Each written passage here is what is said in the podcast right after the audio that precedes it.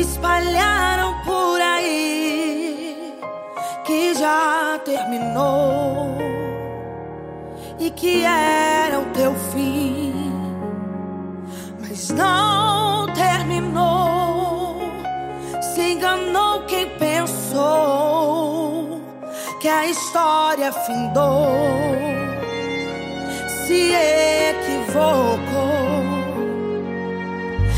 Vou mostrar pra quem achou que terminou. Eu vou deixar pensarem que o projeto falhou. Eu vou chegar depois só pra impressionar. Eu tô montando um contexto porque eu quero impactar. Eu já lhe aviso logo. Não pense que morreu, que a história acabou e que você